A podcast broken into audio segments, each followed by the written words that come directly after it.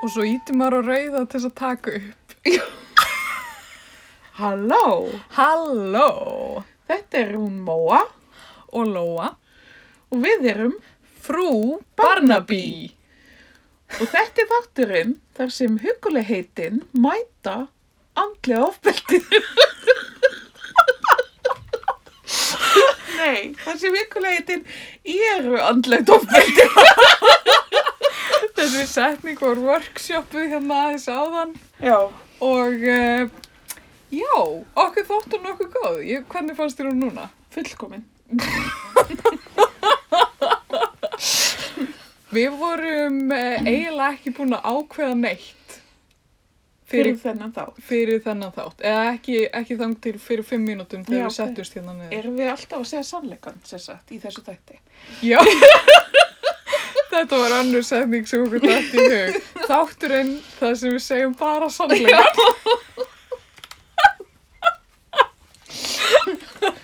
Sko ég er hérna með mjög gott skema yfir dagsgráð þáttarins. Nú, ok, Ég já, veit ekki með þig.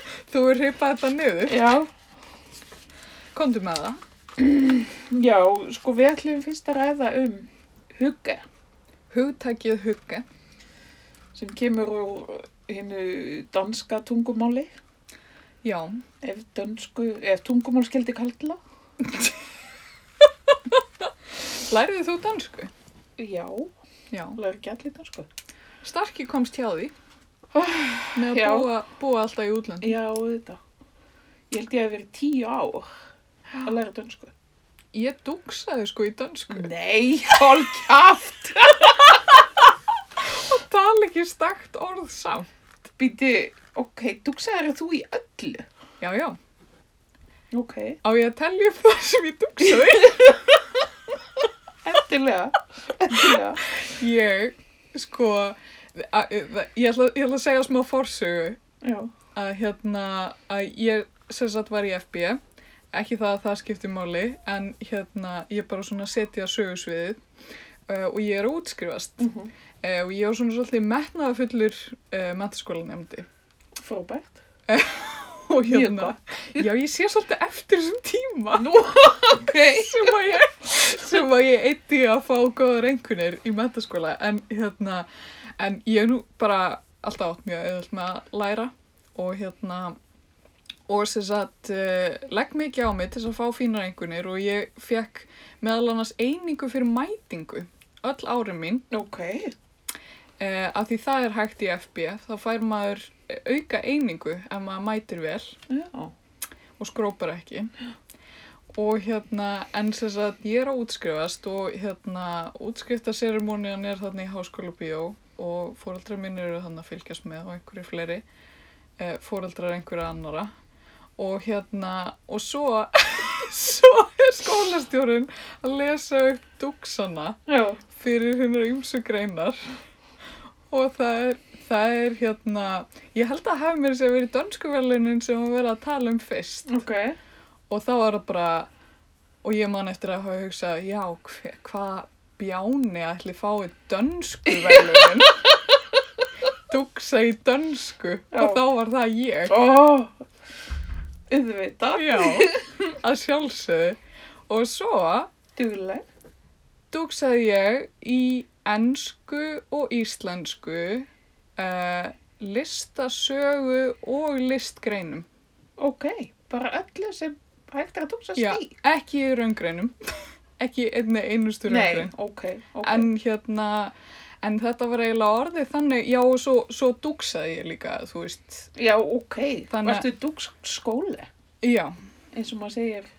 í, í raun og veru Já, og það kom hérna það kom mér að segja viðtal við mig í mokkanum eða eitthvað og hérna titillin er 19 ára dugs á leið í listaháskóla það er eitthvað svona dramatísk ok. Nú er ég spákvæmt ég hefði mögulega lesið þetta á sín já, tíma. já, ég held að ég hef ekkert verið að segja neitt mjög áhugavert verð ég að segja í þessu viðtali Já, ég hef samt alltaf verið mjög áhuga söm um dugsa. Já, þetta er ekki, þetta þetta er ekki áhugavert og þetta er eitt af því minna áhugavert sem að ég hef eiginlega gert held ég. Heyrðu, ég fekk verðlein á Students Já, og það er nú svo skemmtilegt að segja frá því að ég var enga veginn dúks. um, þú fyrst, Ég held ekki, að- þú fyrst ekki einingu fyrir mætingu. nei, nei ég, ég var of mikið fyrir að sofa til þess að gera það. Ok, En ég sem sagt var með frjálsamætingu í frönsku, en ok. fór samt í frönsku. Og það var að sjálfsögðu af henni alkunnu leti. en hérna, og ég náttúrulega fekk bara blimrandi góðar einhvernir þarna í móðumáli mínu. Og það ótrúlega er við þetta að ég fekk fransku verðlunin og ég átti sem sagt ekkit von á því að ég myndi fá þau þó ég fengi góða ringunir. Ok, Hæ Kókó. halló uppbyrðustjóri. Sem sagt fóreldra mínir sem vita mjög vel að franska er móðmál mitt og er með þeim að kenna. Þá- þau voru að springa og stolti. Ó, Og þau sátu sitt við hliðin á fóreldur og bekkjafélaga míns sem fekk svo miklu betra einhvernir og þau voru allan tíman að monta sig við þau. Ég, þetta var svo vandrarlegt, þetta var átakanlegt. Þau voru bara eitthvað, já, hún fekk verðlegin, já. til hafingju, þú talar frönsku. En já, þannig að þetta var, já, þetta var vandrarleg senna í stúdins. En ég man að Dux eh, skóli í, sem var með mér í bekkrendar á þessum árum, Mm. hún fekk svo mikið af verðlunum að hún fekk í bakið. Já, það er nefnilega bók sem maður fær eh, fyrir, fyrir all þessi verðlun. Einmitt. Og ég þurfti sko að setja svolítið að þessum bókum undir sæti mitt á, sko, og mér finnst þetta svo fáránlegt, eða þú veist, ég, ég eiginlega, þú veist, mér finnst þetta svo fáránleg lífsreynsla, af því ég er bara svona, já, já, ég veit það ekki, ég- þú veist, þetta er ekki beinlínis mont að vera að tala um þetta, þetta er bara eitthvað svona spektakl, eða þú veist, eitthvað, ég, hérna, Hvað Já, viltu frá mér? Ég bara, hvort ekki, þetta ekki mynda kókó. Hérna? En Gerðu svo vel. hérna, já, En já, en, en hérna, en sem sagt, fóreldra mínir höfðu svolítið, eða allavega pappi, höfðu svolítið aðra upplifun af því að vera fóreldri, uh, dugs. nú var hann ekki monti. Jú, hann var, ná, þau voru mjög montinn, sko, en hérna, en það sem var, var að hérna, að þegar ég var búin að fá þrjú verðlaun, þá var pappi eiginlega alltaf að vona að næstu verðlaun myndi einhver annar hreppa. og hún fannst þetta eitthvað rosalega vandræðalegt svona eða eitthvað svona og, og ég mitt mann eftir að hafa hugsað þetta þegar ég var þarna upp á þessu sviði bara bara ó guð eh, þú veist náttúrufræðivelunin ég get allavega ekki verið að fá þau Ok, hjúk. guð, guðsilof af því þetta var orðið svolítið svona pínlegt Ó, þú veist og já ég sem 19 ára hlédragmanneskja var Já. ekki alveg að fíla þetta nei, ég skil. En já, þetta, var, þetta er eitt fyndið sem hefur komið fyrir mig í lífið mínu. Já. En já, einmitt, ég var aðeins að gera meira hugulega núna. Hérna niður. Ég slökkti ljósið. Er það ekki svolítið svona skilgreiningin á hugga? Að það þurfa að vera svona huguleg byrta? Það þarf að vera huguleg byrta. Það skemmir ekki ef það eru kerti. Já, einmitt, sem við erum búin að, að ég orðin eftir að byggja á því. Já. Sko þannig ef við höfum smá hugge aðtöfn hérna, þá, þá skulum við kveikja á, já, ilmkerti, það passa Ó, vel. Jesus, elspýtunar búnar. Um, Seinna. eh, ok, ég er búin að kveikja. Ú, vá, það kveikna á kertinu. Nei, djók, þetta eru töfrar útvarpsins. Við erum með te, Já, heitt te, já. það er hugge. Já, og teið heitir Relax Já, Er það ekki, þú veist, núkulega það sem maður gerir þegar maður er að hugga sig? jú, Maður er að slaka á. maður er að- að því sko og hérna já, mér erst svolítið eins og þessi hugge ef að það er kallt úti sem er Já, tengja hugge svona við e, júletíðum já, og það er náttúrulega svolítið hlýtt inni. já, Og það, ég tengi það við Skandinavíu, hlýtt inni og kallt úti. kallt úti, einmitt já, Tengi það ekki við Breitland. kallt úti, kallt inni. nei einmitt, og rakt Já, tölum nú ekki um rakan einu sinni var ég í hérna residensi á Írlandi og ég geri pappamassa skuldura og ég var í stökstu vandræðum með að láta þá þotna já, ok. á Írlandi af því það var svo óksla rakt En merkilega. þeir voru bara blöytir endalust Og hvað notar að hárþurkuðu eða? já ég var svona að nota hitablásarana í stúdíónu kannski óhóflega mikið Ok. og ég fekk svona komment frá sko írunum sem að voru með residensjuna bara já ok, ertu kannski að fara að vera búin að, að þurka þetta þannig að er rosalega dýrt að hita svona Já. það má ekki vera hlýtt inni guð, Nei. Þa, það er líka eitthvað sko, en segir mér, þú varst að lesa eitthvað grein um hugga. já þess vegna fórum við nú eitthvað aðeins að ræða þetta það Já. er hérna já, ég, ég ég var að hlusta á hérna Guardian les upp svona lengri greinar í podcast formi Já, um það er svolítið sniðut. Mér finnst það mjög sniðut og mjög notalegt og svona, einmitt, ég hef mjög gaman að því að lesa lengri greinar en það er oft sem að ég hef kannski ekki, heyrðu, kísa, eftir að reyna að eyðilegja allt hérna í stúdíónu Kókó. Típist Kókó. Hún tók þrjú skjáskot. Í alveg? Nei. það er alveg merkilegt þegar kettir komum nála tölvum. Þá íta er alltaf okkur fárlega ket, tek, ketti. Nei, takka. Oh, já, byrju, hvað voru að segja? Já, Guardian, Já. Ég, með þetta frábæra podcast, Guardian Long Reads, heitir Einmitt. það. En hérna, en á Guardian Longreads þá var verið að lesa gamla grein sem að, eða gamla, hún er frá 2015 Já. og hérna, og heitir The Hugge Conspiracy. Ok. Nú er tölvan hægt allt í henni. Já. Kókó, hvað ert að, hvað ert að gera? Hvað ert að meina með þessu? Ég skil ekki af hverju þetta er raukt. Nei, Getur, getur hringt í konunglu teknikonuna? ég held sko að þetta sé raukt meðan það er að takast upp og svo verður það blátt þegar maður hættir að taka upp. Ok. En þa- þannig er nú mál með veg, vexti, vöxtum, með vöxtum. Já. að við erum að taka upp á tvö upptökutæki, no less, af því ótrúlegt en satt, þá lendum við í fárónlegu tæknurugli með síðasta þá. Oh my god. Að það bara eiginlega drepur mig, Í þetta algjörlega. tæknurugl, maður. Þetta er alveg, Skilir þetta ekki núna. ég bara Fyrst, ok, við þurfum fyrstilega að halda námskeið, en svo þurfum við líka einhvern veginn að fa- fara á að fara á námskeið. námskeið. Já, fyrirgefiði allir og allir, við vorum aðeins og frókafúla. hérna fyrir stuttu. Vorum við það? Æ, við fann, okkur fannst þeir bara eitthvað svo merkileg með sig. Þeir voru eitthvað með eitthvað svaka stúdíu í gangi, með hljóðvinnsluna alveg upp á topp.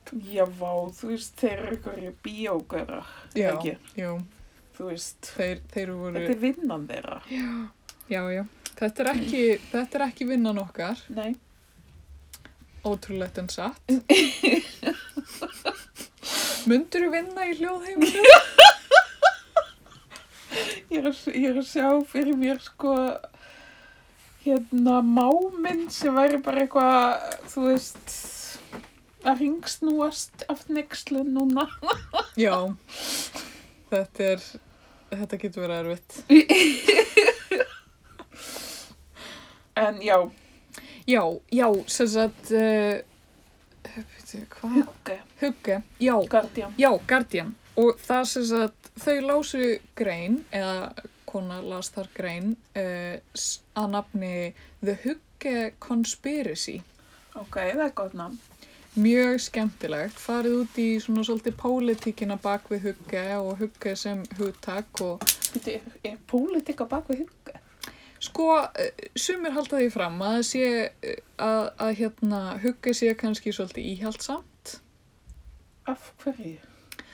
af því að þegar, þegar þú hugsar um hugga þá er þetta svona skandinavíst fólk heima hjá sér hvað, bara með fjölskyldunni sinni eða þú veist, eitthvað svona eh, hvítir skandinavar bara hafa það huggulegt og ekkert að hugsa um stærri málin Já, af því að það er óhugulegt að tala um pólitík eða, eða kapitalisma Já, eða, er þetta svona veraldar flótti, veruleika flótti? já og hérna og sem sagt greinin allavega tók saman skemmtilega teóriu um sem sagt af því hugge eh, hugtækið e, varð fljótt mjög vinsælt í Bretlandi Já, sko brettar og skotar er rosalega svona skandi snobbaðir. já Þeir dyrka allt sem er skandinavist, en þeir einhvern veginn mm Mhm. -hmm. mískilja það svolítið mikið fyrst mér. já Kókó, þú færð ekki að eðilegja þetta fyrir. Mhm. Ég held að það þurfa að hleypa upptökustjórunum úr stúdíónu. Hún er orðin svolítið eh, farin að færa sig upp á skaftið. Já, hún verður svolítið ekki vilja það. Hún vill bara helst vera á skemlinum sem að við erum að taka upp á. Emmett. Það er skemmtilegasti staðurinn. Heyrðu, lilli fjandi. Það klóra mig. Já, en emmett, þeir, sem sagt, skotarnir og allavega Hættu þessu. Þeir eru rosalega mikið að snoppa fyrir hérna... Fyrir öllu sem er skandinavíst Já, og, og allt það. það er allt í upplausn. Í þessu stúdíói. já, bless, kom, kom. Já. Jésús, passa það, þetta ekki niður.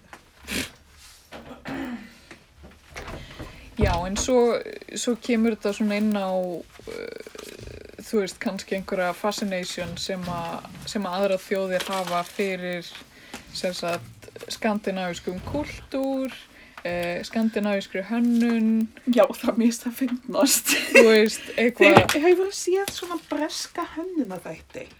Eða svona húsaþætti. Mm, Ég elska þá, sko. Já. Þeir eru Svo átakarlega smekklusir. ótrúlega. Og það er allt svo ljótt og svo setja þér eitthvað svona og svo bara... Yeah, this is really Scandi. Já, Bara eitthvað svona miskiljaða fullkomlega. já, Það er, já. já. En þetta er eitthvað svona væp sem að fólk er að fíla og eins og fólk er a- alltaf endalaust hrifið af vikingunum og svona þetta. og maður getur ekki annað en tengt þetta svona svolítið við svona æ, þú veist svona smá stundum white supremacy eða þú veist, en maður, en maður ætla að taka þetta mjög langt í öfgar Já, skilur sko, þe þe þetta er reyndar aðteglisverið punktur sem þú kemur hérna með auðlóa. sko. Búm! Vegna þess að sem sagt, vikingarnir Mm, áttu í ágætis, áttu í miklum sambandi við hérna bre brellasegar. mm, Eins og við náttúrulega vitum, við erum náttúrulega einhverju hluta keltnesk. mhm, En sem sagt, í sagan sem hefur verið skrifuð og er kend í skólum mhm. um vikinga er, og sem sagt, vikingar með hotn og hjálmum, það er fundið upp af Viktoríu. Já, Viktoríun, eh, sem sagt, á, hvað ég segja, Viktoríunum. já, Victorian.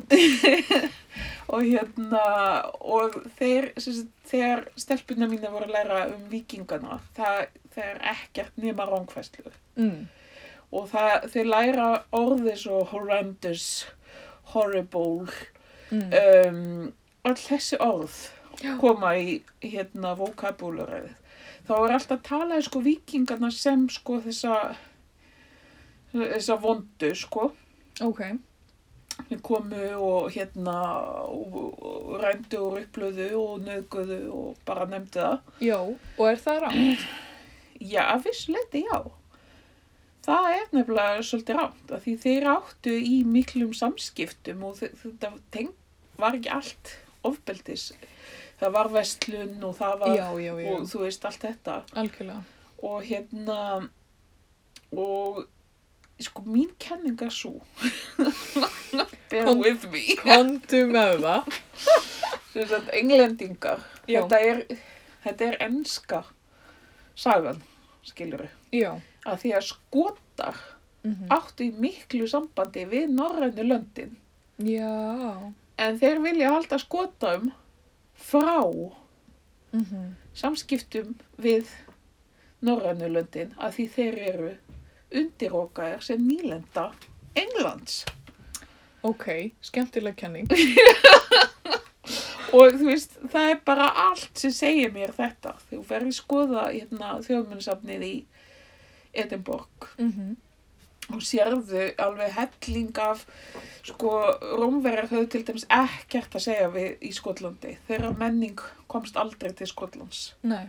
en menning vikingana og mér sé orð og hérna tungumál og stafarnöfn Já. í Skotlandi eru mörg hver koma bara úr íslensku eða svona norrænni tungu Já. og hérna en á meðan já þannig að sko skotar eiga í rauninni miklu meira sameilagt með með hérna norrlunni löndunum en þeir gera sér grein fyrir Mm. Skemmtilegt. já. Mm. eins og það er tilstæður á Sky sem heitir, ö, bara Sky það er hérna Isle of Sky Mm. Ski Já. uh, Week er staður sem er skrifað UEG sem er rauninni bara vík Já. og það er eitthvað tinga eitthvað og, og, og svo náttúrulega Shetlands er eh, hérna eru voru norskar Já. og þú veist we could go on forever Já. En hugge, er það í Skotlandi svolítið? Fólk er svolítið að hugga sig þar? Eða? Nei, eða sko ég myndi halda að vera bara alltaf kallt í húsunum til þess að hugga sig. Já. Kanski getur þið gert það eitthvað svona undir teppi. Já, reynd, Teppi, það eru svolítið hugge. það er svolítið hugga. Já, og þessi skosku teppi, þau eru svolítið huguleg. Já. og hérna, afsaka, hérna, en það var reyndar það sem komst á, þú veist, á Íslandi er maður alltaf bara eitthvað á nærbólnum heima hjá sér, Já. þú veist, ekki í Skotlandi, þá er maður í öllum þessu hlýju peysum sem að maður er að prjóna sér. Já. Emmitt. Þannig að það er kannski aðeins hugulegra, ég veit það ekki. Já. Mér erst voða notalegt að vera í prjónari peysu. Mm. En mér er líka alltaf kallt. Já, Já. En hérna, svo, svo var greinin líka svolítið að fjallum sem sagt einhvers konar þökkun sem að hugge hefur kannski í för með sér, sem sagt í Danmörku að sem sagt þegar allir er að hafa það huggulegt þá er voða óhuggulegt að vera að tala um eitthvað sem er ekki huggulegt já, ok. þú veist, En þú veist, hvern, hvenar eru, þú veist, eru danir bara ok, núna er hugulegt, búið? það er bara eitthvað svona heimakvöldin um jólin kannski Já, saman fjölskyldan eitthvað, einhvern tíman las ég að- að a great way to hugge sé sko að bjóða einhverjum vin heim til sín að horfa á sjónvarpið. já, ok, þannig að við vorum hann að hugga okkur um daginn. Það Já, vorum ára á Barnaby. já. Típist hugge Já, í gangi. það er mjög hugga að horfa á Barnaby. Og, og bara ástaköku, það myndi örgulega vera mjög svona hugge. Já, sem sagt, maður gera vel við sig í mat og notalega heitum. Já. En þú veist, er það svo formlegt? Uh, sko, ég held nefnilega að þetta hafi ekki byrjað sem mjög formlegu hlutur en svo þegar, að, þegar aðrar þjóðir fór að gefa þessum þessari gjörð nafn Já, herma eftir. já, eða þú veist kalla þetta eða þú veist bú, eða af því að hugge orðið þú þú veist, á dönsku er bara að hu hugja sæ. Ég veit. Eða þú veist, það er hægt að nota í alls konar formum, þú veist, þetta er sagn og lýsingur og þú veist, allt þetta. Og hérna, og, en, en útlendingar sem sagt koinuðu þetta sem lífstíl, einhvern veginn. Og það Já, voru já. reyndar fólk í, sko, á Englandi sem tóku mjög fagnandi við uh, þessu sem svona lífstíls uh, orði, eða þú veist, heiti. Já, en þú veist, er þetta þá í rauninni, er þeir, þú veist, í rauninni búin að taka eitthvað sem var í rauninni kannski bara ekkit endilega til, Mhm. nema bara sem eitthvað, æ, hvað þetta er nú hugulegt. Já, eða þú veist, eitthvað eigum við að hafa kósi heima. Já, og bú, búa til eitthvað úr því. Þannig að þú veist, þetta conspiracy, eða þú veist, Já, það er náttúrulega, þú veist, að hluta til þetta. En svo fannst greinarhöfundi líka mjög áhugavert að sjá hvernig ennska þjóðin tók rosalega vel við þessu, já, þessu konsepti, Einmitt. hugge. Og hérna, og eiginlega gott að geta presentera þetta sem eitthvað svona dansta, því danir eru alltaf svo hamingjusamir, hefur ekki heyrt þetta? já, ok. að hérna, En Danir eru það nú náttúrulega sameilagt með englendingum að vera nýlendu herrar. já rétt okkar fyrirum pyntarar og kúarar. kannski gerir það mann hamingjusamari Mjögulega, svo erum við náttúrulega ennþá Kúara. eins og englendingar að kúara þjóðir. já það er hugulegt en við viljum ekki tala um það Nei, guð. það er óhugulegt Já, það er ekki hugga. nei að þannig að þú veist þar kemur líka þessi hérna pólitík út Já, það Í er þessu. pólitíkinn, sér sett. já sem sagt þú veist Þöggunin er pólitíkinn. þöggunin, já. Við viljum bara vera hérna að hugga okkur og ekki að vera að hugsa um stóru málin, Nei, eitthvað. Eins og það sé eitthvað gild afstafa já. og lífstíls ákvörðun. En sko það er svo mikið talað um allan á Íslandi hvað Danir er svo líi glað. Já, En þú veist, er það rétt?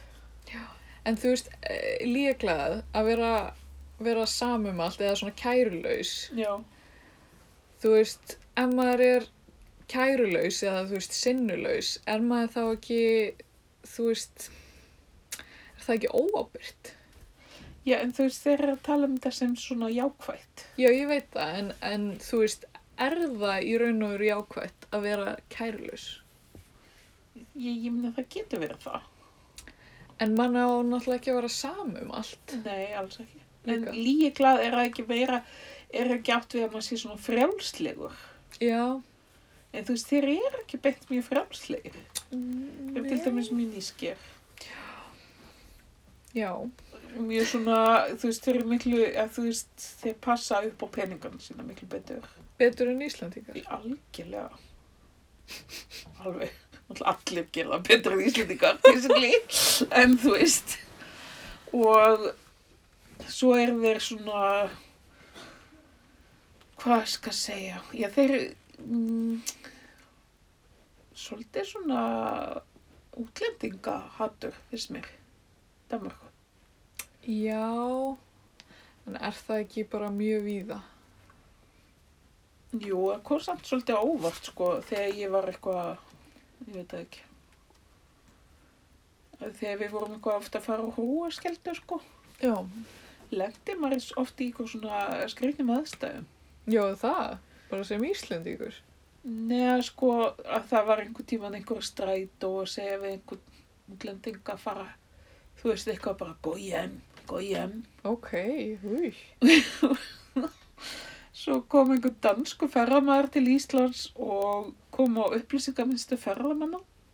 Já, það sem þú varst að vinna. Já. Og sagði já og spurði mig hvort að vera moskur á Íslandi. Ú, Og ég bara já, nei, en það er mögulega að fara að byggja einhverja, mhm. þú veist, ég held að sé ekki byrja að byggja hana. Og hérna,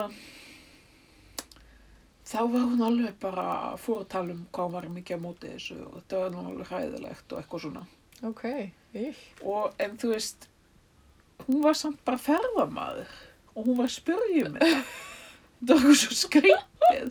Eins og hann myndi eitthvað ká upp á hanna. Já, Jé, Æ, já, þú veist það er svona, ok, þetta eru tvö. það er eitthvað svo mikill núningur í gangi þarna með innflytjendum Já, Úti.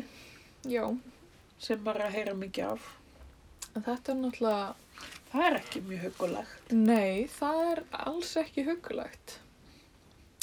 En hérna, þetta myn, myndi mér svolítið á, sko, þessi grein og, og þetta huggeð dæmi og, og hérna breytarnir væru svona rosalega opnir fyrir þessu konsepti og, og þessu, sérstaklega af því að það er danst sko að hérna það fór ég eitthvað svona smá að hugsa um sko midsommar Já. og, og hann, okkar mann Barnaby sem að hittir eiginlega aldrei svartamannsku eða útlending eða, einmitt. eða, eða bara neitt sem er ekki bara skjanna hvítur breyti Já, hérna að að sem sagt eh, að hérna gæin sem framleiði þættina eða, eða sem sagt þættinir fengu uh, á, á einhverjum tíma þá gaggrinni að, að það sægist nú lítið í minni hlutahópa já, í þáttunum og sem er mjög valið punktur af því ég held að hafi verið í eitthvað, þú veist, 13. serju sem að maður sá fyrst einmitt. einhverja litaða manneski Já, já, já. og nóg er nú af alls konar fólki í Breitlandi En Algjörlega. og hérna, og brettar bara koma frá öllum mögulegum stöðum að því brettar voru náttúrulega svo duglegir að- að sölsöðum þessi nýlöndum Já, eins einmitt. og fræktur er þitt þannig að, hérna, þannig að brettar eru svoleiðis alls konar en, en alls ekki í midsommar Nei, og hérna og, og framlegandin svarar þessari gaggrinni með því að einmitt að hérna að þú veist þetta sé bara þessi síðasti hotstein eh, Britishness að það sé þess að Barnaby sem er í fyrsta Ha? lagi ógeðslega fyndið Jesus. og svo, svo segir hann að þú veist, við þurfum ekkert að vera að tala um þessi mál. Við viljum bara gera næs þætti og basically bara hafa það hugge eða þannig. Í alvörni. Já.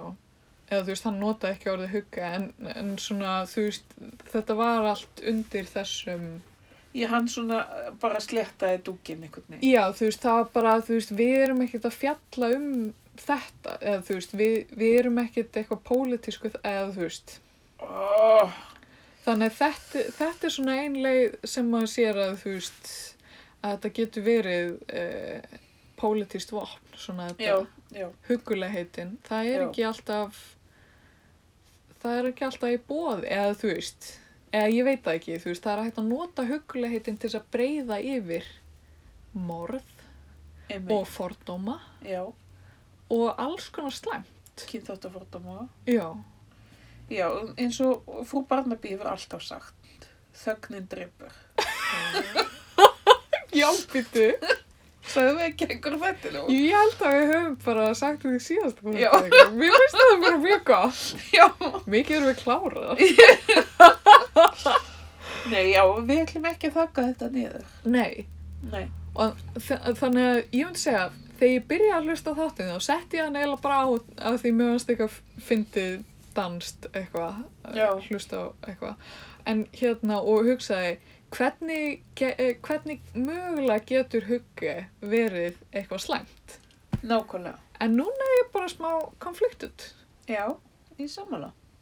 Þannig að þú veist, það er líka eitthvað þetta með að þú huggar þig með, þú veist, þínum líkum eða þannig, þú veist, það, þú veist ekki að bjóða einhverjum út að götu að hugga þig með þér eða þannig og þú veist, það, það er svona eitthvað svona segregation í því eða þú veist, það er svona, já, ég veit það ekki. Ok, ég veit ekki alveg hvert þú veist að Nei. fara. en Að að, hérna- hérna, að þetta sé svona innan fjölskyldu eða Já, eða bara að þetta sé svona... intimate.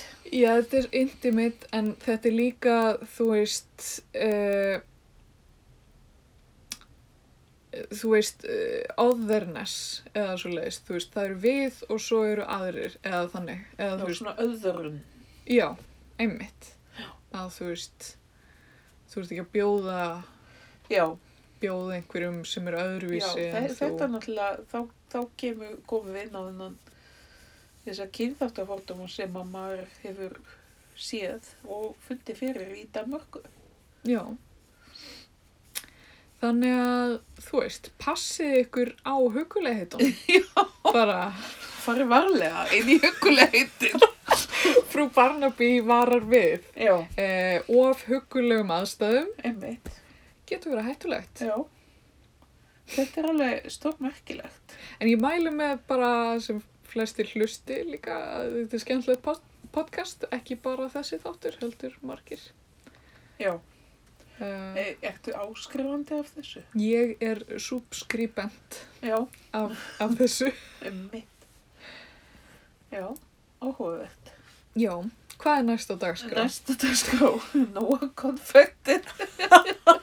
sko, við fyrum úr einum hugulegitum yfir í öðvannur.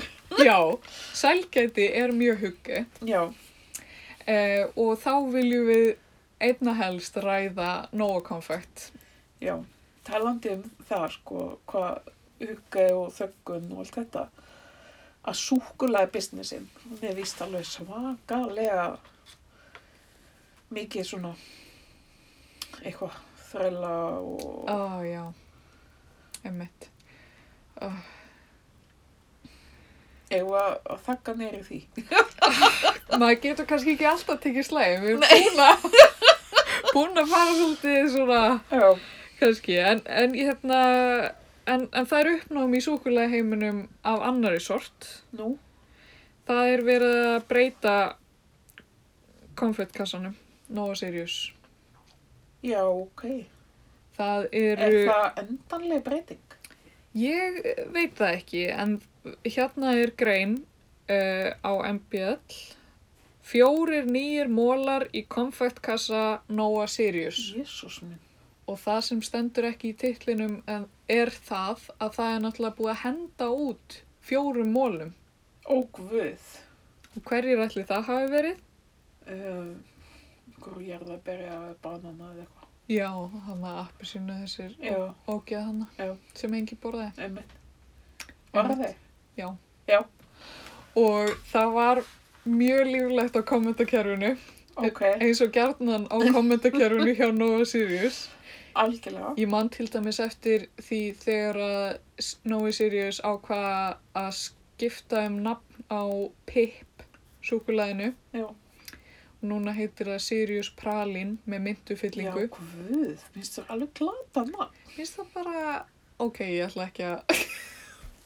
En, en, Þú veist, af hverju í fyrsta lagi. Nákvæmlega, hvers vegna? En kommentakerfi var einmitt þar bara Don't fix what isn't broken. Já, Bara í ég verður að vera alvöru. sammála. Og það var alveg svona, en það var alveg svona 400 komment, kilur við, að því fólk lætur súkulega sem var þarna. Já, er þetta hluti af þessari huggavæðingu á landinu? Ábyggilega. Því það vill ekki láta sér varða stórmólin, Nei, þá bara tölum við um það sem skiptir máli og það er súkulag. Og það er ástræð, ástríða í umræðunum því að í hérna e, það var sem sagt verið að pósta þessari grein um, eða þú veist einhverju grein um að, að það væri verið að stokka upp í konfettkassanum og það var alveg svona annarkvert kom, uh, komment annarkvert kom, konfett var bara ég ætla sko ekki að kaupa konfettkassu Oh Bara- my god. ó nei, allir bestu mólarnir Í alveg. Já, í En þú veist þetta alvörunni. voru vestumólan. Ég veit það og, og það er annarkvært komment er bara já fyrr hefði nú mátt vera Já, þetta hefur alltaf verið þú veist, heil skála eftir að þessu vestu mólunum já, sem að ekki einu sinni sælgæti skrísinni gáttu torkað. já. Ég reyndar, ég tengi ekkert við þetta, ég er svo lítið fyrir sætindi.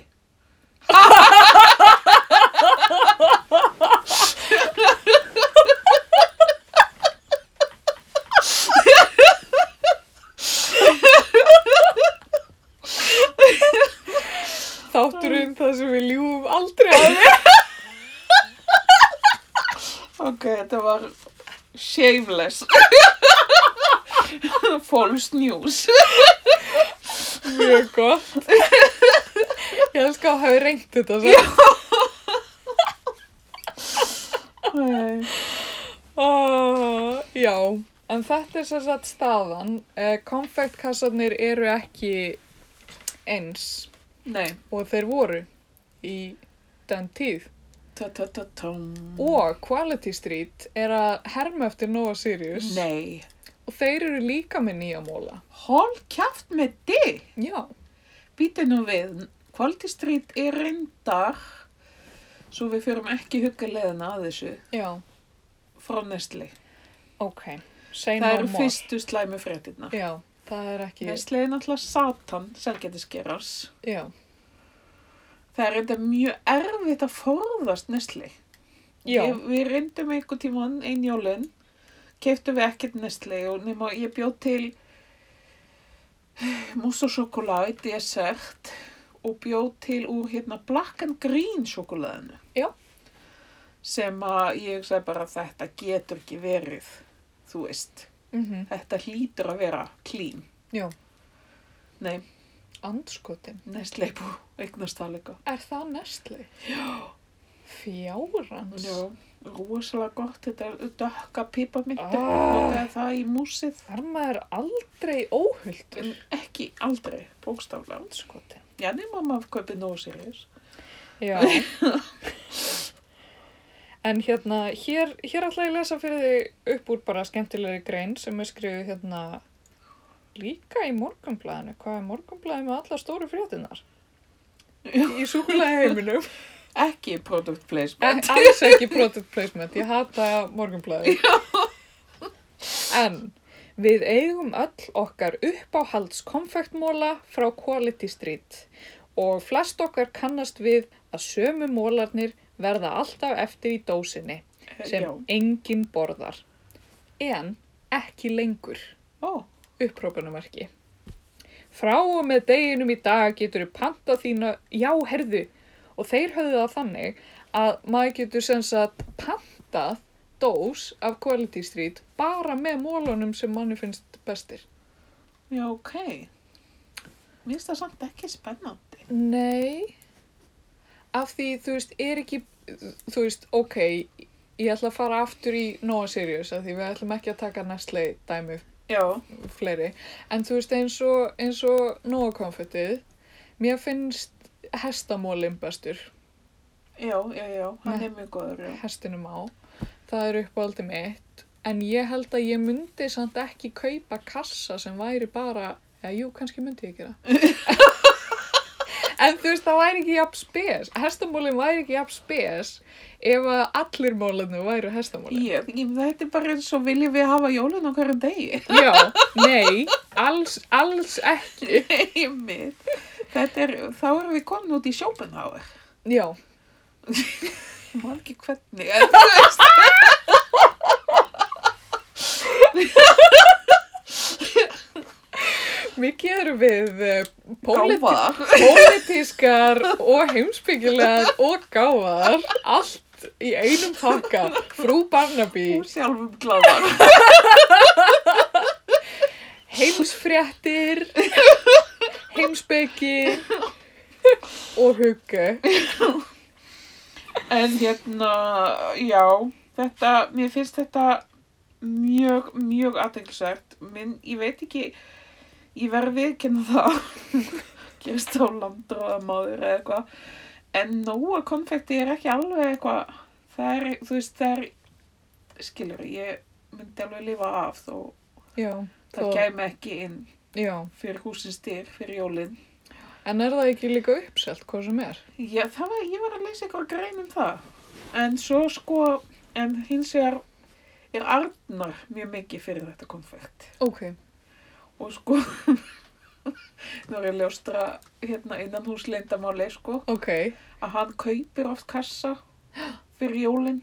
mm. Svo á einhvern stór fyrirlan hátt hverfur sá kassi. Þannig þá þarf hann að koma, sko, þá þarf hann að kaupa annan kassa. Þú veist að Þorlóksmessu eða eitthvað. vá, lúmskur Já, svolítið. ok, Já, ég er samt mjög hrifin, sko, mitt uppáhaldslúkulaði frá Nósýrus er Mm. bara gamla góða suðsúkulaði.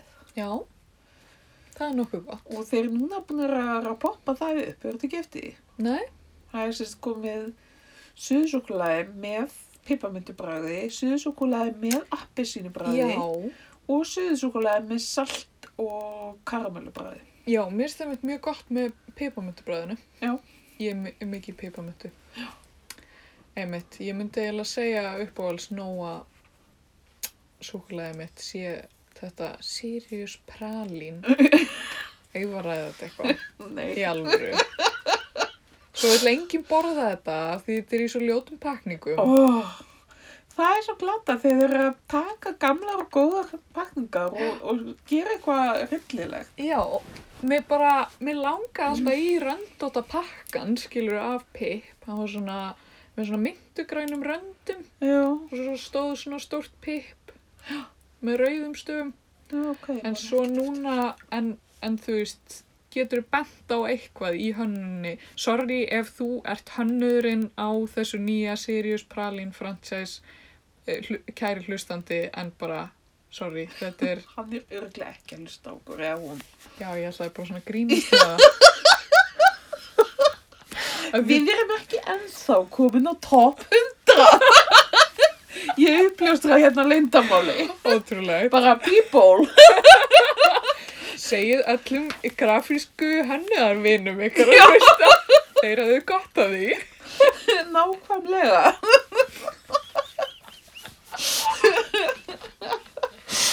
Oh, já, allavega, þú veist, hvítpakning með einhverju smá íslensku munstri. Já, Það er pralinpakningin, í dag. já. Já, já. Og það, þú veist, þá, þá settu þeir, sem sagt, þetta var eitthvað marketingdæmi, að þeir settu öll súkulöðin sín undir svona einn hatt.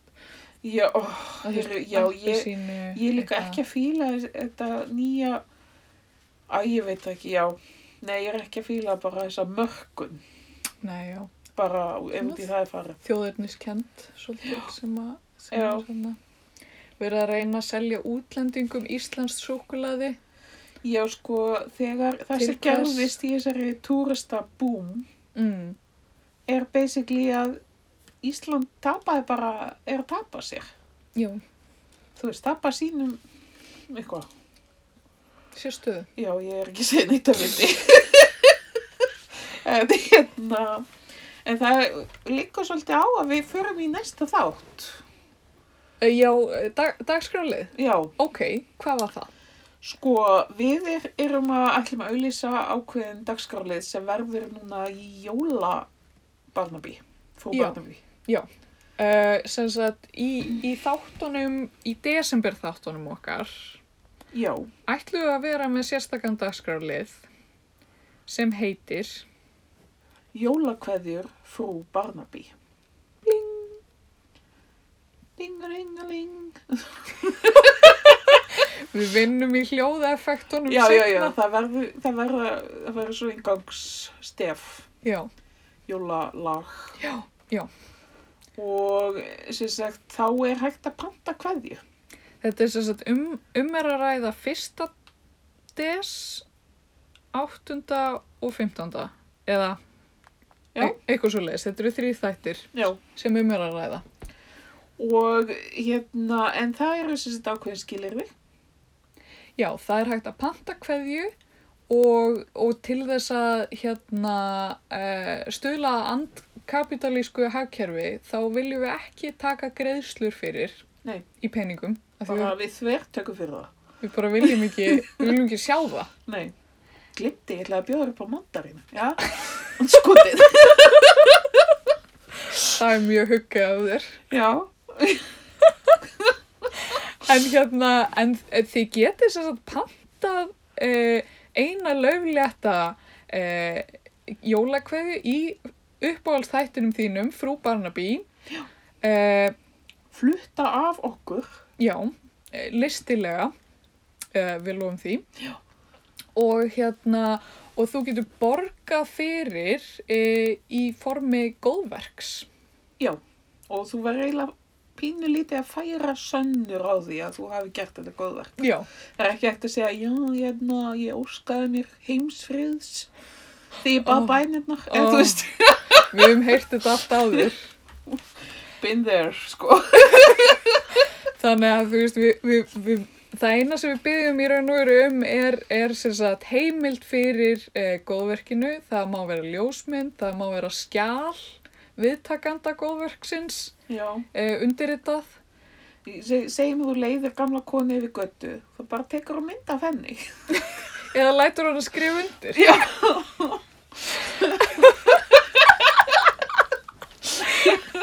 Svo myndir maður það. Já, mjög góða sögu. Ég var í sinni í hérna, hann að The Lake District. Ú, Voru þar fjölskyldan í tjalduralagi ok, og ég er hérna í einum uh, ofsala fallegt þarna já, mjög fallegt og við erum hann einhverjum mjög sínig litlum bæ og sko alltaf þegar ég fer yfir götu þá eða þú veist þá allan og stelpunum voru litla þá svona tegði ég báða hendurnar út þú veist já, og svo eh, tóku stelpunnar og svo fórum við svona yfir götuna já, nema hann að gera ég þetta og ég fatt ekki fyrir að vera svona nánast komni við göttuna það er ekki dótti mín sem er að leiða mig heldur gömul kona oh og hún svona hafði svona á mig og bara það er svo langt síðan ég hef verið leitt og bara hún sagði eitthvað svona such a long time since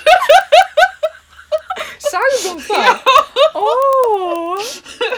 en notalegt Þannig að góðverk. þarna gerði ég óvart góðverk. En Við viljum einbeitt góðverk og, og, einbeitt. og því fleiri því betri, Já, betra, já, já, já. En það er samt bara einn hverði á mann. já bara einhverja mann. En, en þú veist, það er ekkert kapp á því hvað mörg góðverk Þú Nákvæmlega. veist. Já, uh, og við hvetjum í raun og veru alla til þess að gera góðverk hvort þau eru alltaf þykja kveðuna eða ekki. einmitt. En við skrifuðum nokkra lögléttar hérna pröfukveðjur Já, þetta er sem sagt skáldaðar hverðir. og bara svona til þess að gefa ykkur svona hljóð, ö, hljóðdæmi. Já, til þess að koma ykkur í jólaandan. Já. Það er nú bara vika í, eða svona rúm tíu dagar í fyrsta aðvöndu. Já, það. Já. Ertu að telja? Já, já. hérna, já, og ég að byrja. Já, pröfaðu. Gunnar og Hallgerður á hlýðarenda senda kærar jólakveðjur til nágranna á Bergþórskóli. Gleðli jól. Mjög flott hjá þér. Þetta næsta. Jóna Hlíf óskar fulltrúum menningamála í Kópavogsbæ gleðilegra jóla. Dásamleg. Jóna Hlíf, þetta er útvastáttur við getum ekki tjáð myndina sem er fyrir neðan. Þetta er allt skáldað. bara Þetta er svo það sé skáldað. átvegað. Oliver Twist þakkar velgerumennum sínum fyrir síndan stuðninga árinu sem er að líða. Mjög gott. Ekki. Mér finnst þetta bara nokkuð skemmtilega. Kanski við skáltum bara alla kveðunar. og gerum sjálfar bara miljón góðverk. Já, já, ég- við skulum hafa Æ. það svona, já, ef við höfum tíma. Ef við höfum... Þú veist, við getum ekki verið allum vaktum, halló.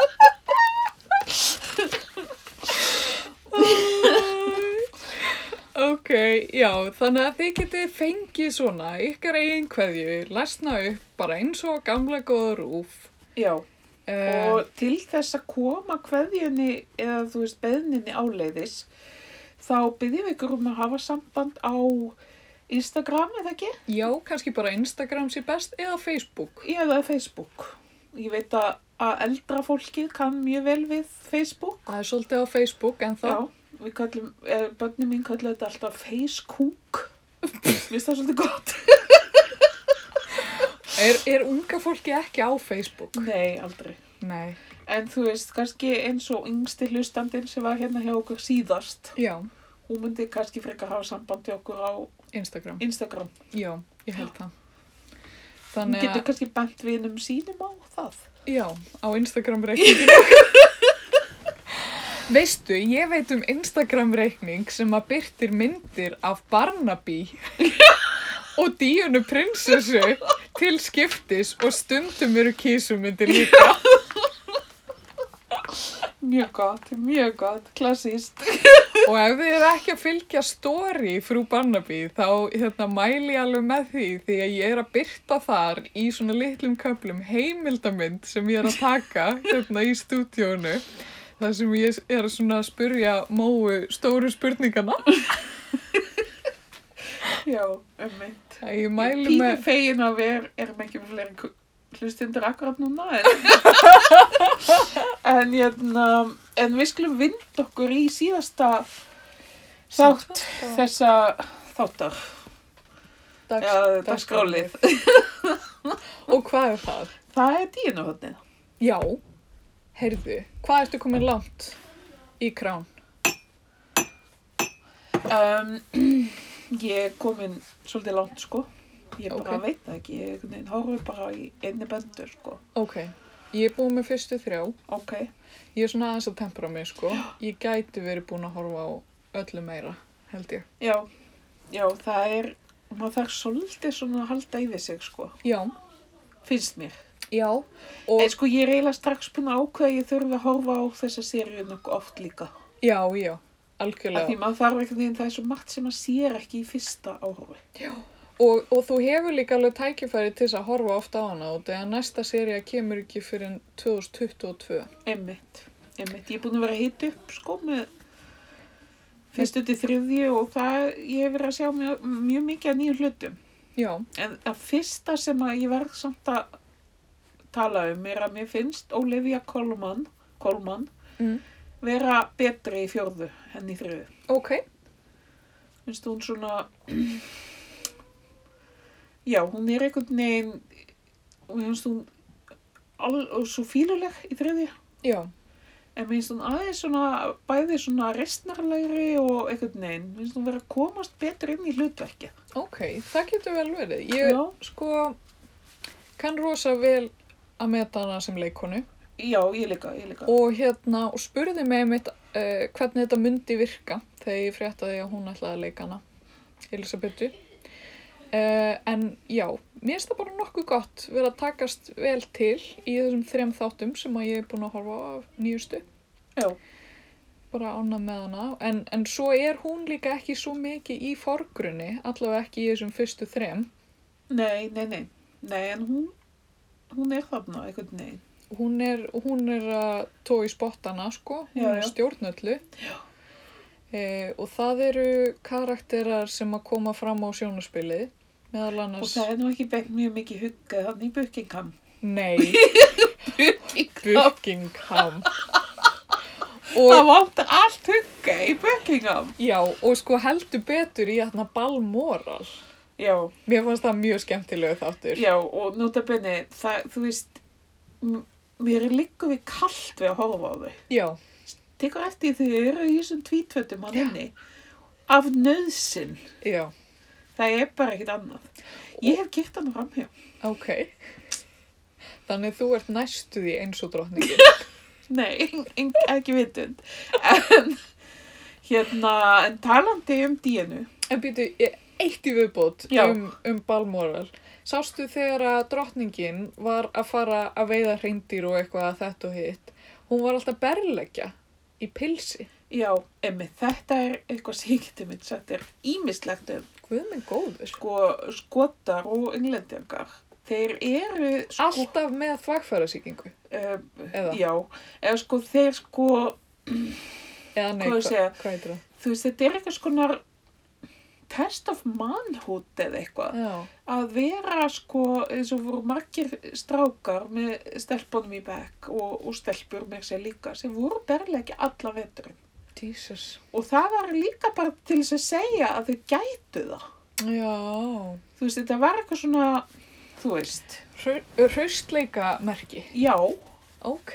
á meðan sko ég var alltaf að, og líka í þessum teflon eða nælon skirtum og Já. þú veist, sem er bara ekkert lít. Nei. En þau er einhvern veginn, þannig að þú veist, ég er ekki hissa. Nei. Já. Hún er náttúrulega sko hálskosk. Dróningin. Já, drottningamóður er mér náttúrulega skosk. Já, einmitt. Já. Einmitt. En hérna, en já. Þú ætlaðir, þú ætlaðir að segja eitthvað. Já. Já, já, sko, við ætlum nú ekki að fara mikið í þátturöðina. Nei, já, því þetta er nú alveg nýtt. Já, fólk Þú er veist. svona aðeins að komast inn í þetta og það er ekki allir tíma til þess að Já, dempa sér í þetta. spænaði þetta upp Eins og sumir, eins og sömur hérna. nefnum engin nöfn ekkert.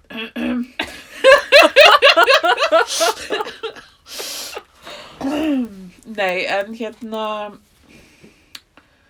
já, hvað hva finnst þér um leikonuna? sem leikur díðinu. Já. Mér finnst margt, mér finnst, sko, ég mér langar að byrja þetta á ótrúlegu hrósi að því mér finnst þetta rosalega flott stúderuð mynd af díðinu. Já, já, Mér finnst hún ná töktunum hennar og nú hef ég hlustað á mikið af viðtölum við hennar líka að mér finnst hún ná röttin hennar, hreimnum hennar og talanda alveg já, ótrúlega vel. það er eiginlega alveg absúrt. absúrt vel sko og hérna, og mér finnst það stundum smá svona creepy vel Já, já, svolítið. en eh, mér finnst hún svona þú veist, og nú finnst mér ekki gaman að gera út á útlit annar kvenna eh, reyna að gera sem minnst af því en mér finnst hún aðeins of mikið babyface Já, fyrir hlutverkið a- eh, að því hún er með svona, svolítið svona lítið andlit já, og Diana var það eiginlega ekki nei, mitt. og hún er miklu meira,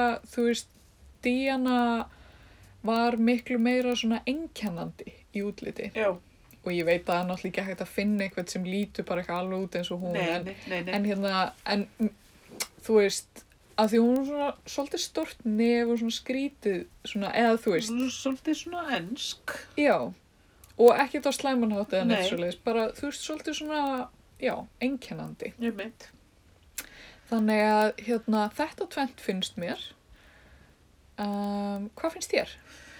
Sko, já, það er, í, mér finnst alveg, mér finnst þú verið að gera mjög góða hluti, Já, þessi unga leikona, já. sem er bara að byrja eða hvað. Veistu eitthvað um Ég hana? bara veit eiginlega ekkert um hana, sko. Nei, einmitt, en hérna, það er eitthvað svona um, pínu, mér finnst hún eitthvað pínu ofleika þessa takta. Stundum, kannski. og það er kannski það eina sem að eina sem ég get sett út á en þú veist þó ég vil ég raunin ekki setja út á Nei, og mér finnst þú vera að gera mjög vel já, en já, mér finnst þess að sérstaklega hún er eitthvað svona að rúlla augunum og eitthvað með hausinn það er eiginlega bara þú veist eh, hún hefði kannski mátt fara aðeins fínlegar í það já. En svo er það líka áhugavert í ljósi þess að, hérna, að Díana var líka eiginlega mjög ykt í hreyfingum og svona expressions Já, ok. svolítið. Að þannig að þú veist, það er svolítið skrítið að sjá manneski sem er að leika þetta að því þá er maður svo, við, eh, svo meðvitaður um að þetta er leikrit einmitt, eða þannig og Já. hérna af því þegar, þegar þetta er bara manneskja sem er bara svona já, þá er, eh, tekur maður því einhvern veginn öðru eða, eða skilur hvað við einmitt en ég held einmitt sko já, ég veit það ekki en þú veist, maður er kannski svolítið smámundisamur af því að þetta er hún já, ætlum maður að sé það ekki bara og ég held að það séu fleiri það núti já en mér finnst hún bara heilt á litu verið að gera mjög góða hluti sko. algjörlega, algjörlega og hérna einhver staðar var einhver að segja að eh, fjölskyldan sjálf er ekki annað með þess að þetta í alvöru þess að fjóru serju ó, ó, ó það er ná Filipus, var hann eitthvað að tjá sig um þetta? nú, Ég var eitthvað að reyna að fletta þessu upp sko en ég fann þetta ekki. ok já, við verðum búin að fletta þessu upp fyrir næsta þátt. Já. En það eru náttúrulega, þú veist, þar sem við erum í seríunni, það, þú veist, það er ekki allt rugglið komið á stað.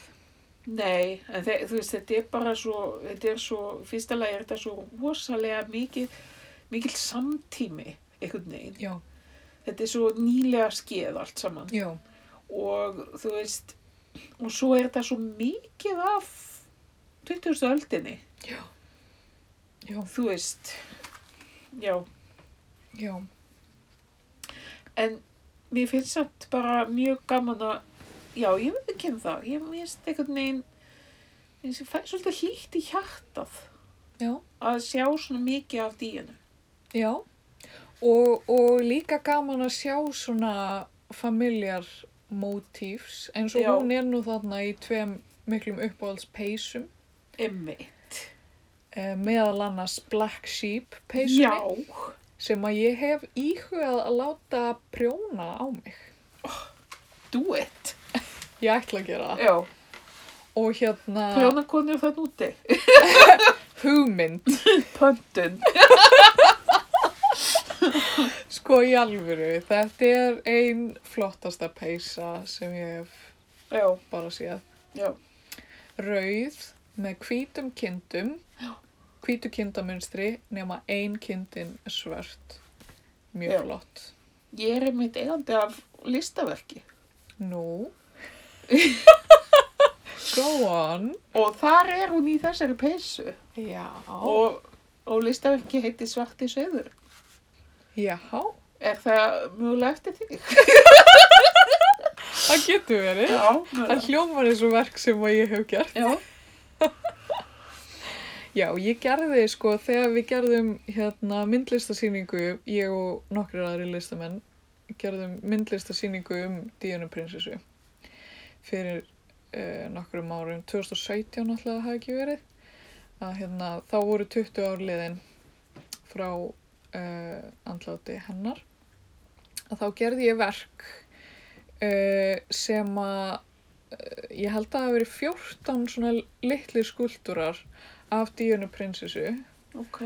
og hérna og hver og ein eh, svona ég reynda að láta hverju eina svona tala fyrir ákveði tímabil í lífun hennar díunu Ok, og hérna og skrifaði svona undir eitthvað svona eins og frétta tilkynningu eða þannig og hérna og það er til dæmis ein ein uh, var hún það sem hún er í Pakistan held ég og er með svona slæðu Já. og, og þá stendur Díana sýnir nærgætni já, og svo gerði ég hana þar sem hún var að lappa yfir hérna eh, sprengjurnar já, hann er landmæns. landmænsarna Já, að hérna að þá undir henni stendur Díana gárar vatni held ég eða eitthvað þannig já, ok. sem að vísa svona til þú veist uh, þess að, að ko- eh, konungfólk var ekkit alltaf að þessu og, hérna, Emmitt. og konungsfjölskyldan var ekkit ánægð endilega með að hún var að gera þetta Já, Og svo, svo er líka bara eitthvað hún með hatt og í einhverju drakt og hérna það er Díana gerir skildur sínar. já, Og svo gerði hann náttúrulega í þessum íkoníska sko brúðarkjól Já, brúðakjólum. og hérna og Það, ég, ég, ok, ég verður við ekki að mér langar í það allar. já, En ég þurfti að vilja, vera sko. milljónmar ykkur. í, já, ábyggilega. Þetta er bara. Þetta eru En það er rándýrustu. gott að langa. já, já, já, já. Og hérna, en, en því meður sko þá upphaflega hugmyndin var að gera allan hérna dreigilinn, eða hvað er það? Þetta voru tíu metrar, tíu metra langur brúðakjól. Vó, ok. Tókst ekki eftir því í þættinum, Já, jú, jú, jú. þú veist. Og, Jú, ég, ma- ég náttúrulega var viðstönd. Já, gleymur því nú ekki. Að missa af lestinni eða, eða hvað það var. Já. En, en já, upphæðlega var hugmyndin sko að gera allan brúðakjólinn, þú veist, af því að dreigillin er svo fáránlega langur. og Alveg, þetta er svo absúrt. Ótrúlega flott myndefni, Já, náttúrulega. En svo þegar ég- þegar ég leta á því verða og gerði svona alveg þvílíkt langan dreigila eftir henni, þá var það allt í henni svo fáránlegt. Það var eiginlega ekki hægt að, þú veist, eins og í skáldskap getur maður ekki, þú veist, hlaðið endalaust oná. nei, ég mitt, já, ég skil. Uh, en ef maður er að skrifa sanna sögu þá, já, þetta það- var samt, ég sá sko mynd af verkinu, þú veist, Já. þú náðanum mjög vel. takk. Ná einhvern veginn forminu og, og svona eins og ég man eftir af versning. en þú Var veist, þið bóðið í veistunni kannski líka? enga vil.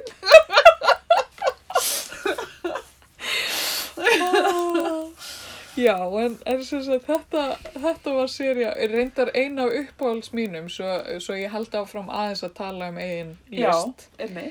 er sko, hérna, uh, var ein díanan sem að liggur uh, í solbaði. Hún er í, hérna, svona tíkristýra munstruðum sundból. Já, og hérna og þetta er sem sagt eftir, eftir skilnaðin og hérna ég skrifaði undir hana Díana leikur lausum hala ah, það er gott. mér fannst það nokkuð gott en, en svo hérna já, Það er einmitt íkonisk mynd af henni í þessum sundból já á Instagram síðan okkar. jú, jú Og, og fyrir þá sem að hafa áhuga á þessu eru líka ótrúlega mikið af myndum af henni á Google-inu þar sem hún er á sundból, bara þú Já. veist, ef einhverjir hafa mikið áhuga á því. Algjörlega, já. að því ástæðan fyrir að, nú ætla ég að uppljóstra því, ástæðan fyrir áhuga mínum, e, þessum óbílandi áhuga mínum á Díunu prinsessu, er að þetta hófst e, óvart.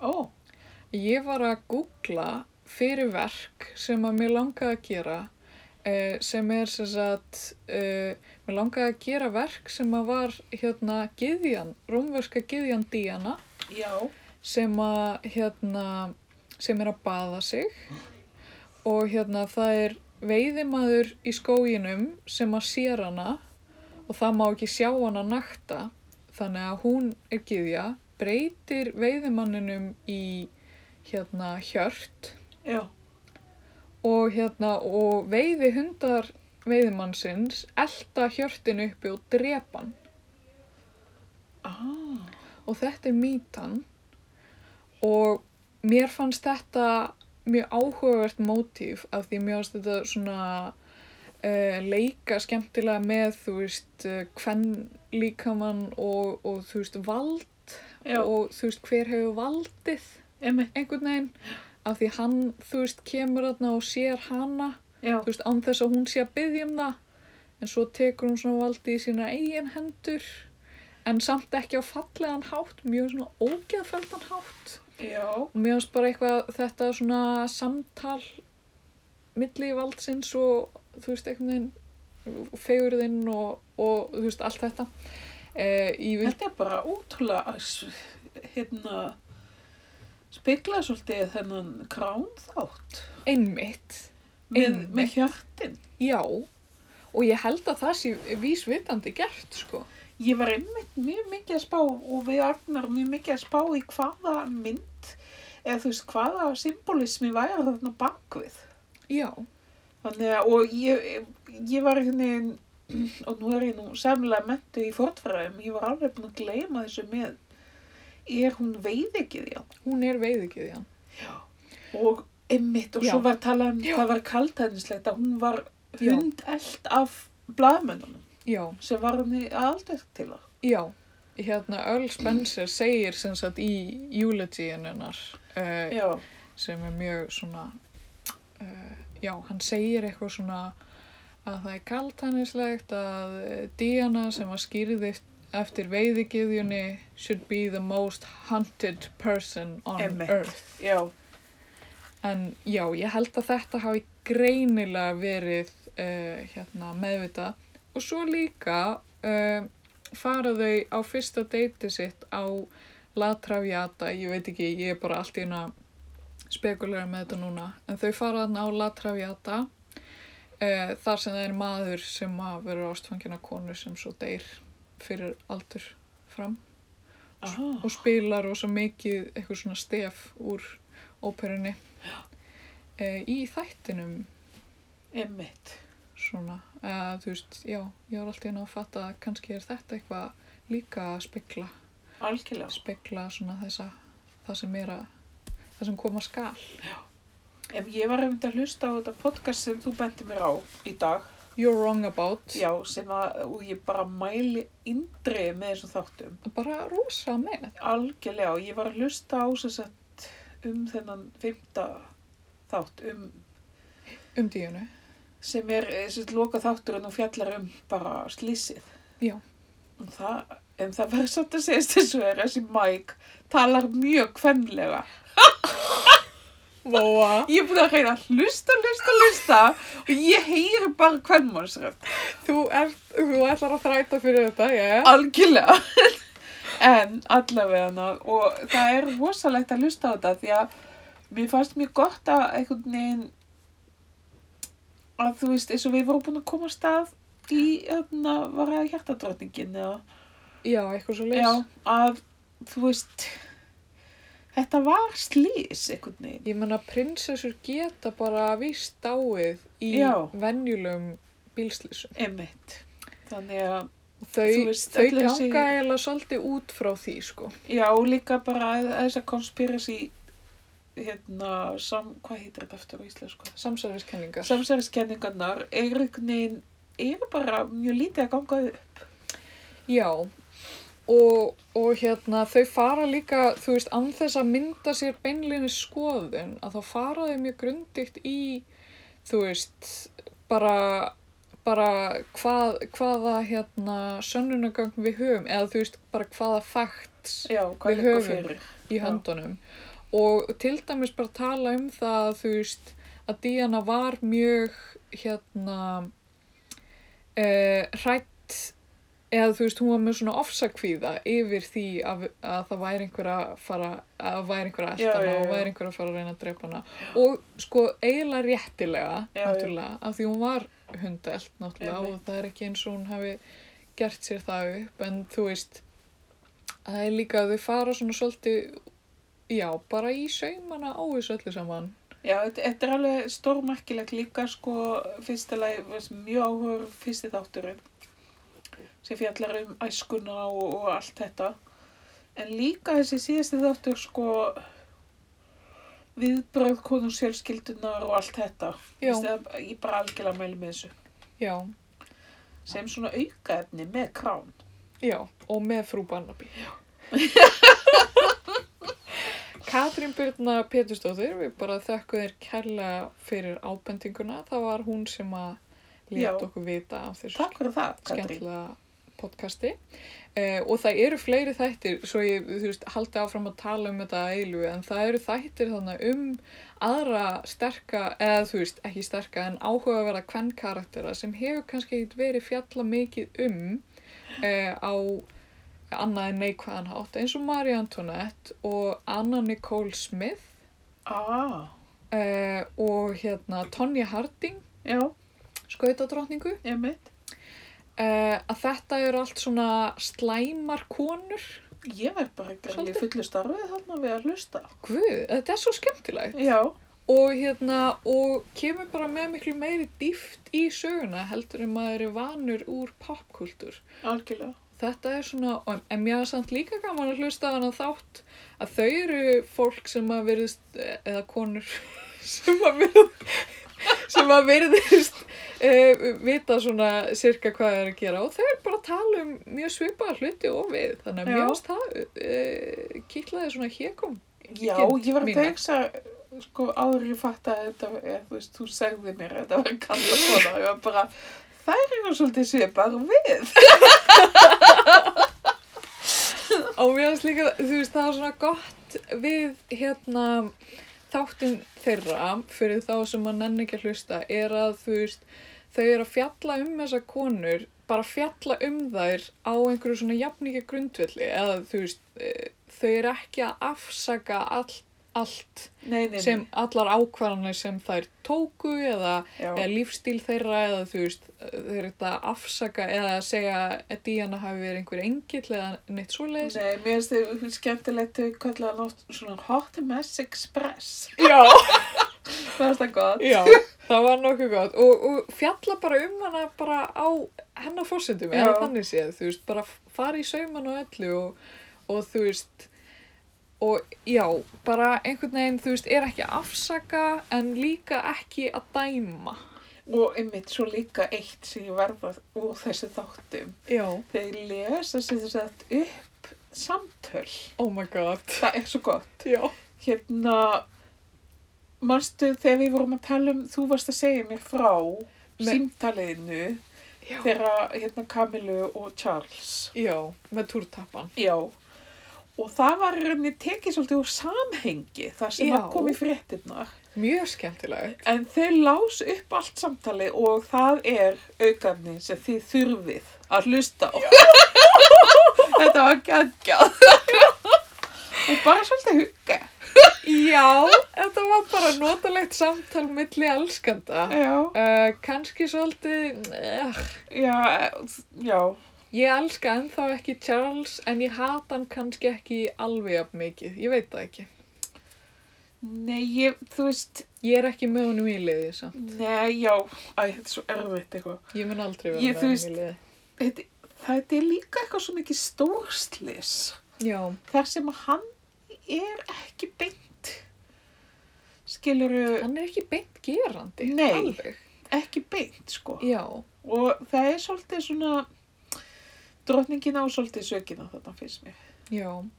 Og, og þetta er annað sem mér fannst mjög skemmtilegt í þáttunum, uh, hérna að þau tala svolítið um hvað, hvað eiginlega það, það er, þú veist, og, og tek bara sem dæmið, þú veist, um, bara hvernig er fjallað um konur kannski, hérna að stundum er einhvern veginn uh, verið að gaggrina konur fyrir að láta nákvæmlega eins og samfélagið segir þeim að láta.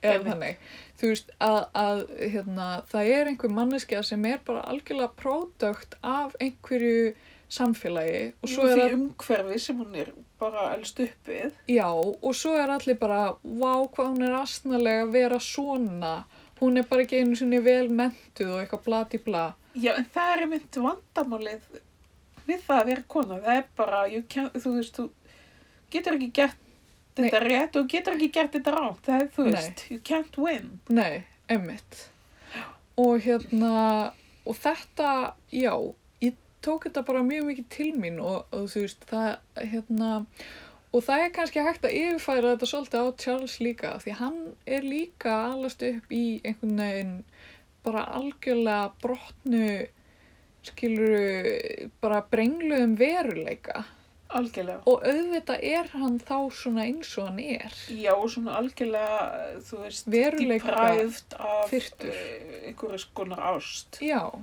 móðurást og, og svona já þannig uh, já sínum samhygð krakkar Já, mín. eins og við segjum alltaf í frú Barnaby, gerum góðverk.